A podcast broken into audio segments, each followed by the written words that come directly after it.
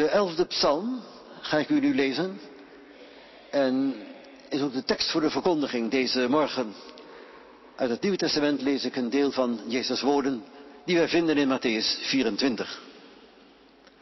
Voor de koorleider van David. Schuilen doe ik bij de Here. Hoe kunnen jullie dan zeggen, vogel, vlieg weg naar de bergen. Zonder spannende boog en leggen hun pijlen al te pees om de oprechte in het duister te treffen. Wat kan een rechtvaardige anders doen als de grond onder alles wegzinkt? De Heere in zijn heilig paleis, de Heer op zijn troon in de hemel, met aandacht beziet hij en fronsend keurt hij de mensen op aarde. De Heere keurt rechtvaardigen en zondaars. Wie het geweld liefhebben, haat hij. Vuur en zwavel stort hij over uit. Stormdrinkens uit de beker die hij aanreikt. Rechtvaardig is de Heere. Hij heeft rechtvaardigheid lief. De oprechte zal zijn gelaat aanschouwen. Matthäus 24. Nadat Jezus de tempel had verlaten, wenden zijn leerlingen zich onderweg tot hem en vestigden zijn aandacht op de tempelgebouwen. Hij zei tegen hen, hebben jullie dat alles goed gezien? Ik verzeker jullie, geen enkele steen zal op de andere blijven, alles zal worden afgebroken. Op de olijfberg ging hij zitten, met zijn leerlingen om zich heen. En nu ze onder elkaar waren, vroegen ze, vertel ons, wanneer zal dit allemaal gebeuren? En in welk teken kunnen wij uw komst en de voltooiing van deze wereld herkennen? Jezus antwoordde hun, pas op dat niemand jullie misleidt. Want er zullen velen komen die mijn naam gebruiken en zeggen, ik ben de Messias. En ze zullen veel mensen misleiden. Jullie zullen berichten horen over oorlogen en oorlogsdreiging. Laat dat je niet verontrusten. Die dingen moeten namelijk gebeuren, al is daarbij het einde nog niet gekomen. Het ene volk zal tegen het andere ten strijde trekken, en het ene koninkrijk tegen het andere, en overal zullen er hongersnoden uitbreken, en zal de aarde beven. Dat alles is het begin van de ween. Dan zal men jullie onderdrukken en doden, en jullie zullen door alle volken worden gehaat omwille van mijn naam. Velen zullen dan ten val komen, zullen elkaar verraden en elkaar haten. Er zullen valse profeten komen, die velen zullen misleiden. En doordat de wetteloosheid toeneemt, zal bij velen de liefde bekoelen. Maar wie stand houdt tot het einde, zal worden gered. Pas als het goede nieuws over het koninkrijk in de hele wereld wordt verkondigd, als getuigenis voor alle volken, zal het einde komen. Lof zij u Christus. Tot zover de lezing uit de Heilige Schrift. En zalig zijn ze die het woord van God horen en het bewaren. Halleluja. Gemeente van de Heer Jezus Christus. In het begin van deze psalm wordt een raad gegeven. Vliet. Vlieg weg naar de bergen. Vlucht. Vogel, ga vliegen. Het dreigt gevaar.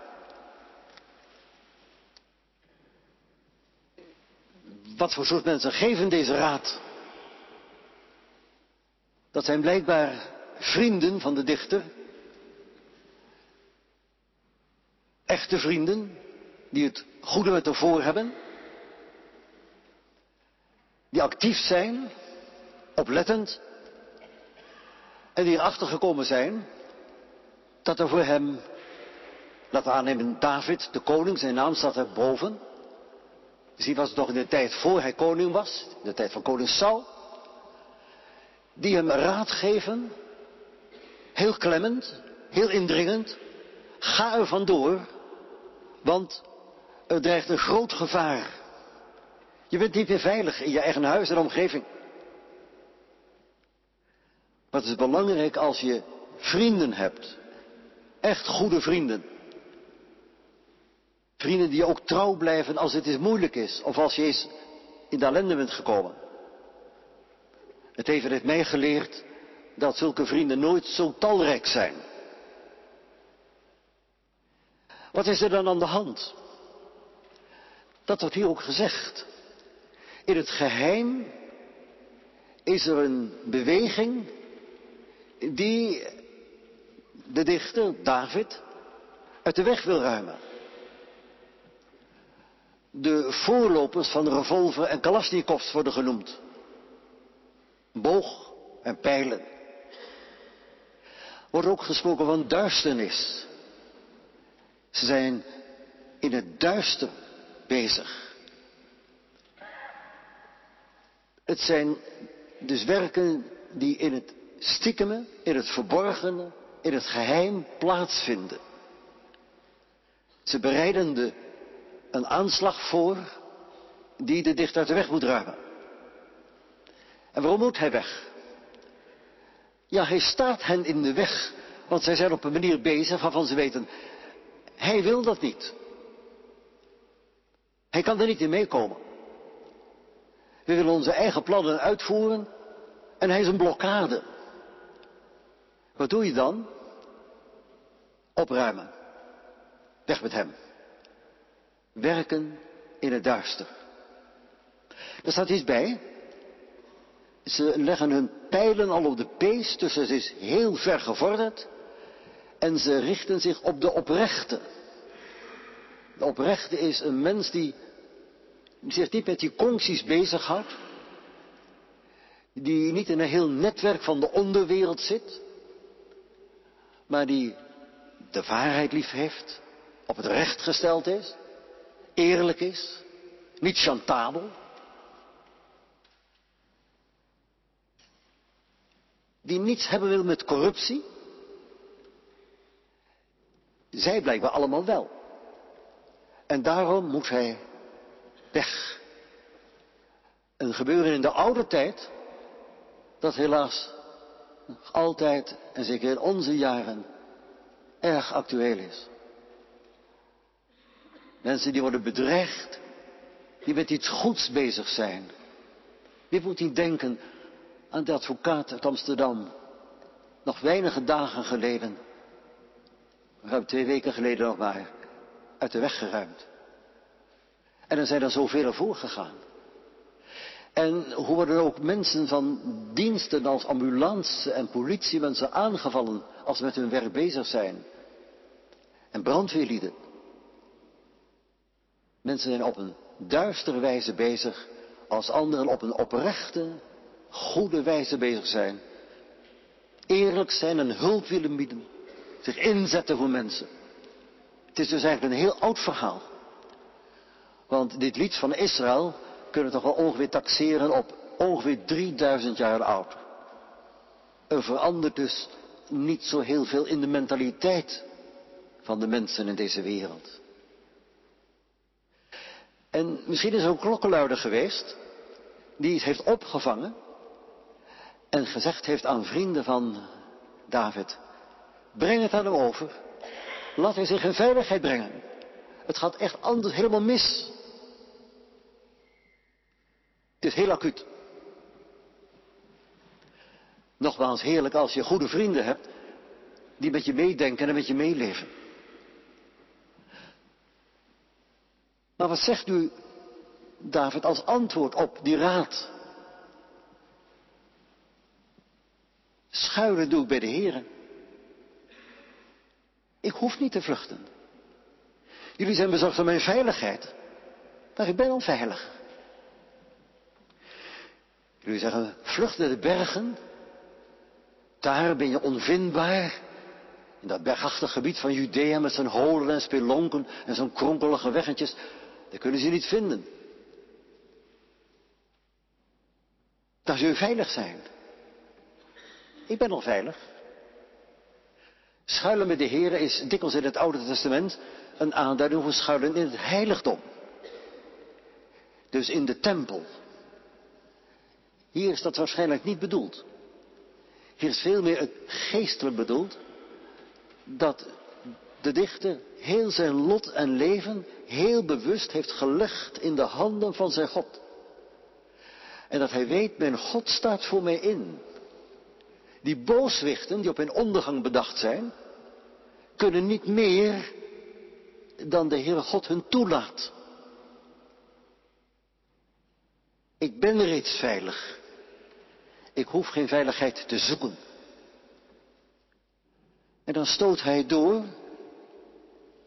en zegt, de Heere is in zijn heilig paleis.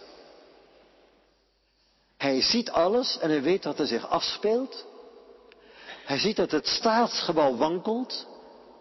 Denkt u maar aan die poging van zo even om de kinderen duidelijk te maken wat je moet doen als een huis omvalt.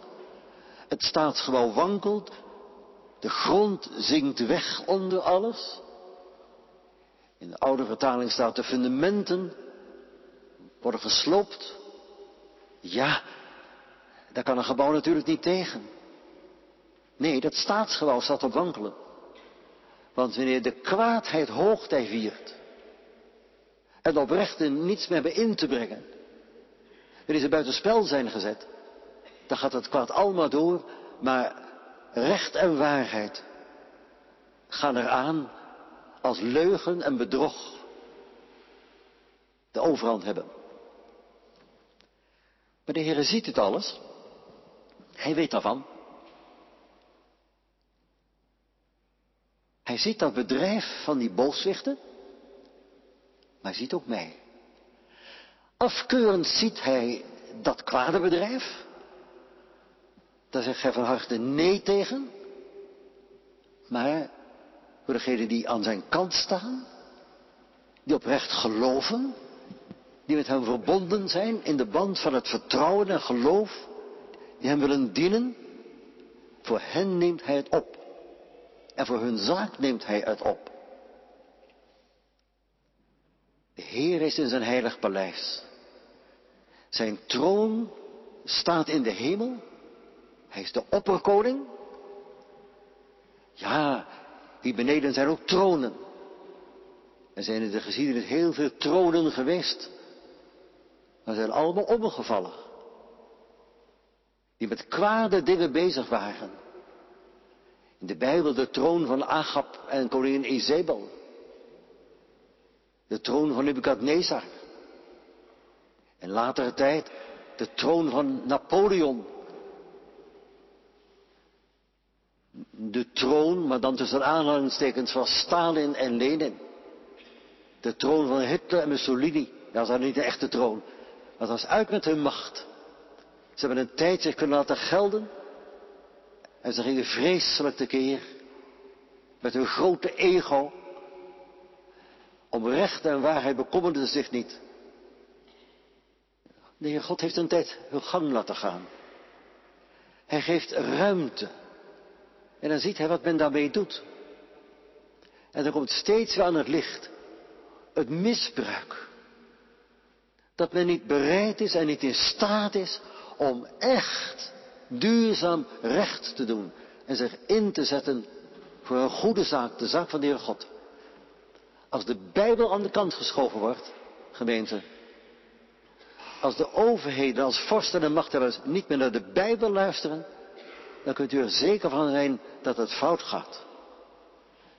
Dan gaat het misschien heel vlug fout, zoals in, in, in, in Rusland na 1917.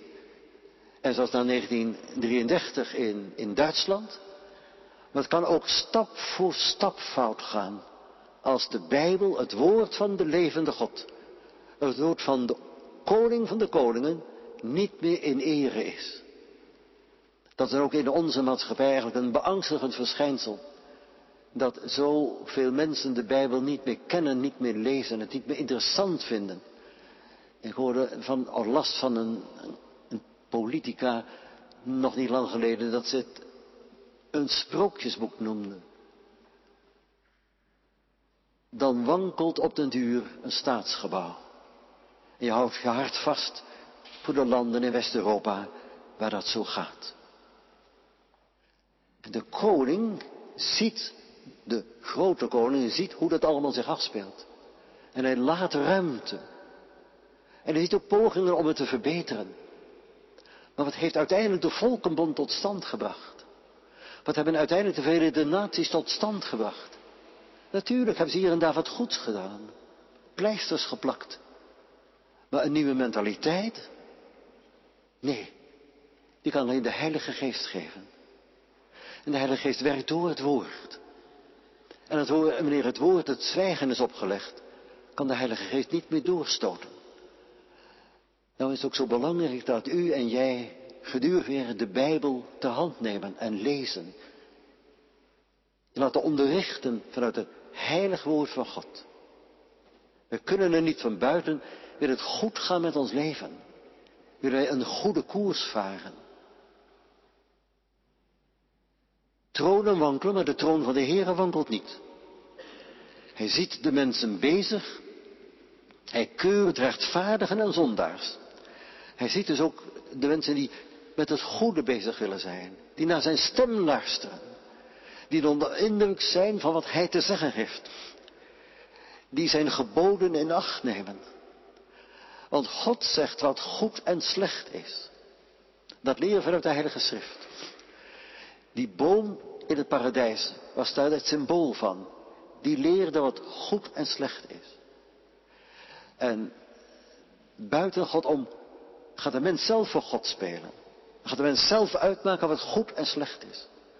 Daarom zijn er in onze maatschappij zulke bizarre toestanden in allerlei gebieden. Als de mens zelf voor God gaat spelen, dan maakt hij een klucht van. Tot in het speelgoed van de kinderen toe. God is koning. Hij keurt, hij ziet het alles. En er staat een heel ingrijpend woord. Toen ik met de voorbereiding bezig was, zorg je weer van. Wie het geweld lief hebben, haat hij. Het staat in het Hebreeuws als heel krachtig. Zijn ziel haat hen. In de Griekse vertaling staat. Zijn ziel haat de ongerechtigheid. Ik heb het niet na kunnen zoeken. Maar ik denk dat er niet dikwijls in de Bijbel sprake is, ik weet het wel zeker, van de ziel van de Heere. Wat mee bedoeld blijkbaar het binnenste van God. Diep in zijn goddelijk wezen haat hij de ongerechtigheid. En haat hij degene die de ongerechtigheid bedrijven. Hij haat hen die geweld lief hebben. Liefde tegenover haat. Mensen hebben het geweld lief. Met alle derivaten van geweld. Oneerlijkheid, corruptie, chantabel zijn. Hij gaat er zomaar door. En hij, de rechtvaardige, hoge, heilige God, heeft het recht lief en de waarheid lief. Dreigend woord. Want in de Bijbel gaat het dikwijls over de liefde van God. En in de kerk horen we altijd weer over de liefde van God. Maar hier staat ook een keer iets over de haat van God. Het is niet de enige keer. En op Psalm eerder, in Psalm 2, lezen van het lachen van God. Ja, als je vrolijk bent, ga je lachen. Maar dat is geen vrolijke lach. In Psalm 2 is het een grimmige lach. Want ook daar ziet de Heere God het bedrijf van de mensen in hun boosheid, in hun dwaasheid, in hun bezetenheid. Het is een grimmige lach. Want vuur en zwavel stort hij over hen uit. Storm drinken zij uit de beken die hij aanreikt. Vuur en zwavel, dat doet denken aan de ondergang van Sodom en Gomorra. Vreselijk. Dat is de toekomstverwachting van hen die met geweld op de been zijn. En dat vuur en zwavel kan allerlei gestalten komen. Maar het gaat wel mis. Grondig mis. Die storm, dat is een samum in het Midden-Oosten. Een vreselijke wind die alles verzengt en verdroogt. Dat krijgen zij cadeau. Als zij niet ophouden met hun boze praktijken. Tot onheil van mensen. En tot hun eigen onheil. Want ze graven hun eigen graf. En daartegenover staat dat Hij, de rechtvaardige, de rechtvaardigheid lief heeft. Rechtvaardigheid, dat is hier datgene wat zich houdt aan zijn heilige wet. Wat luistert naar hem. wat door hem zich laat gezeggen. Wie zich door hem laten gezeggen, wie naar hem luisteren willen. Mensen die weten voor God te buigen. Die voor God geen groot ego zijn, maar een klein mens. En dan ook een mens die rechtvaardig is in de omgang met anderen. En die barmhartigheid kent. Want rechtvaardigheid is in de Bijbel, als het over God gaat, altijd ook verbonden met zijn barmhartigheid. Zijn ontferming. Wie daarmee bezig is. Daarop God zegt ja en amen. Met een geweldige belofte erachteraan. De oprechte zal zijn gelaat aanschouwen. Degene die dus met de ongerechtigheid niets van doen wil hebben. Maar met God door het leven gaat. Nieuw Testament iets gezegd, wie de Heer Jezus volgt, een discipel van hem wil zijn, die krijgt de belofte, hij zal zijn gelaat, zijn aangezicht aanschouwen.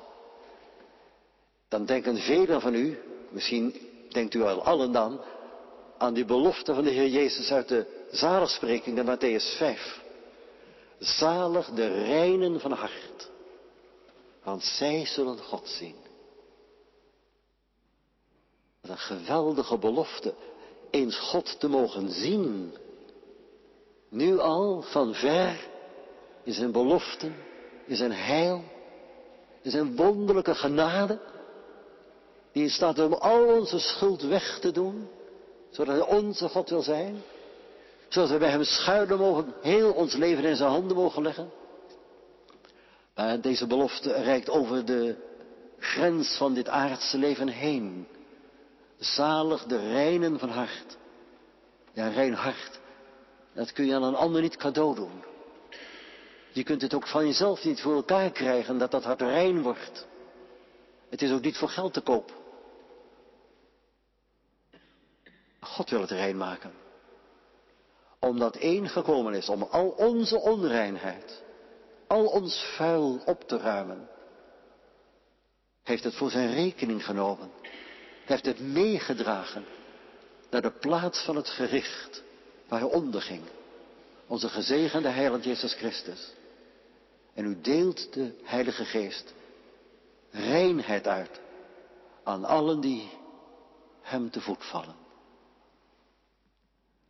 Tot zover gemeente een, korte uitleg van deze psalm. Ik ga nog even met u verder. Ik troost u met de belofte dat het niet meer zo lang zal duren. Drie aspecten nog, om het nog wat dichter bij ons te krijgen. Hoewel ik geprobeerd heb de preek ook zo doorzichtig te maken naar onze tijd toe. Het lied, deze psalm, opgenomen in de bundel van liederen van Israël, is een lied uit de grote bewogenheid. Het stamt uit een verworden samenleving. En dan is er iemand die zegt, ik krijg wel de raad om te vluchten, maar ik blijf op mijn post. Ook als het huis dreigt om te vallen, de fundamenten worden gesloopt, de grond zakt in, ik blijf. Zolang het kan, zolang hij weet dat God hem daar stelt, wil hij blijven op zijn post. En moeten ook wij blijven op onze post, in onze samenleving, die ook in menig opzicht wankelt. En daarin trouw zijn aan onze opdracht. In de verbondenheid met de Heere God. Er kunnen omstandigheden zijn dat je niet blijven kunt. Als de jongen dat zei toen ik dat vroeg, dan moet je er snel vandoor gaan. Dat heeft David later ook wel gedaan, toen hij vluchtte voor Saul. Dat heeft ook Elia gedaan, de profeet, toen koningin Isabel hem naar het leven stond. Hij ging er vandoor. Dat was niet verkeerd. Maar het is wel zaak om trouw op je post te blijven zolang het gaat. En dat is dus ook een advies wat wij vanuit deze psalm krijgen. Als wij op ons werk zijn, als wij onze relaties hebben, als we met de studie bezig zijn, op een eerlijke wijze, als een trouw christenmens op onze post staan. Maar dat wel dan schuilend, dat is het tweede, bij de Heren. Niet denken, ik kan dat wel. Ik ben daar allemaal wat tegen opgewassen. Ook al in mijn omgeving een heleboel dat niet deugt. Ik ben standvastig. Nee. De dichter schuilde bij de Heeren. En dat houdt in dat hij zichzelf klein maakte. Want alleen God is groot. Dat ook wij zo op de Heeren vertrouwen. En ons steeds weer tot hem wenden om ons lot en leven in zijn handen te leggen. Dan zijn we veilig. Hij wil bij ons zijn en ons bijstaan. Hier in de psalm is een geweldige bedreiging van kwade lieden. Maar ruimer gezegd, het leven is vol onzekerheden. Want wij zitten nu hier allemaal in de Jacobi-kerk. Maar hoe zal het met ons zijn over een week? Over een jaar? Er kan van alles gebeuren. In de media en zo drukt men er allemaal wel wat naar achter. Dan moet het allemaal leuk zijn en mooi en vrolijk. Maar zo is het leven lang niet altijd. Er is een heleboel onzekerheid. Er kan zomaar iets zich voordoen in je gezin, je naaste familie, je vriendenkring, in je eigen leven, in je werk. Dat alles wankelt. Hoe moet het nu verder? Wat dan voor het als we dan de Heere kennen. Hem kennen in wiens naam wij zijn gedoopt. Ik hoorde dat volgende week ook hier weer de heilige doop wordt bediend. Ik meen dan zeven kinderen. Maar dat kan ik verkeerd hebben opgevangen. Maar als u gedoopt bent, dan heeft de Heer zijn hand op u gelegd. Zijn hand op jou gelegd. Hij heeft gezegd, ik wil jouw God zijn. Ik wil bij je zijn, alle dagen. Vergeet me niet als het voorspoedig gaat. Als je studie mooi lukt, als je werk goed gaat, als je een fijn huwelijk hebt, als je goede relaties hebt. Maar ook als het moeilijk is. De dingen tegenvallen, mensen tegenvallen. Het niet meer goed lukt en je raakt vastgelopen. Ik ben er toch. Ik ben er toch. Heeft de Jezus, die ons dat reine hart heeft beloofd, niet zelf ook gezegd, ik ben met u alle dagen tot de voleinding der wereld. Met het geheel van zijn kerk en al haar gedelingen, maar ook met elk van de gelovigen afzonderlijk. Ik wil met u zijn. Ook als het leven moeilijk is. En ook als er dreigingen zijn. Je denkt dan alweer aan ambulancepersoneel, aan brandweerlieden, aan politiemensen. Of gewoon in het beroep van advocaat of rechter, burgemeester. Mensen moeten beveiligd worden in ons land. Sommigen gaan al zo dat ze zeggen, we leven in een narco-staat. Nou, dat kan ik niet beoordelen, ik weet niet of dat zo is. Maar dat er veel mis is, is veel duidelijk. Maar geborgen zijn in Christus. Dat wil zeggen dat wij veilig leven en ook veilig en getroost mogen sterven. Hem aanschouwen, dat is het laatste van deze psalm. De reine van hart zullen God zien. Over de grens van het leven heen reikt de genade van God. De genade die er is voor een ieder van u. Als u maar, als jij maar, als een klein mensenkind. Eigenlijk in gebrokenheid tot hem komt. Om te knielen aan het kruis. En daar te schuilen bij hem. Die het offer der verzoening voor ons bracht. En die ons door zijn heilige geest als het ware aanraakt en vernieuwt. En een rein hart schenkend zegt. Wie je ook bent. Ik ken jou van eeuwigheid. Ik heb je lief. En jij bent mijn broeder, mijn zuster. Jij mag zijn.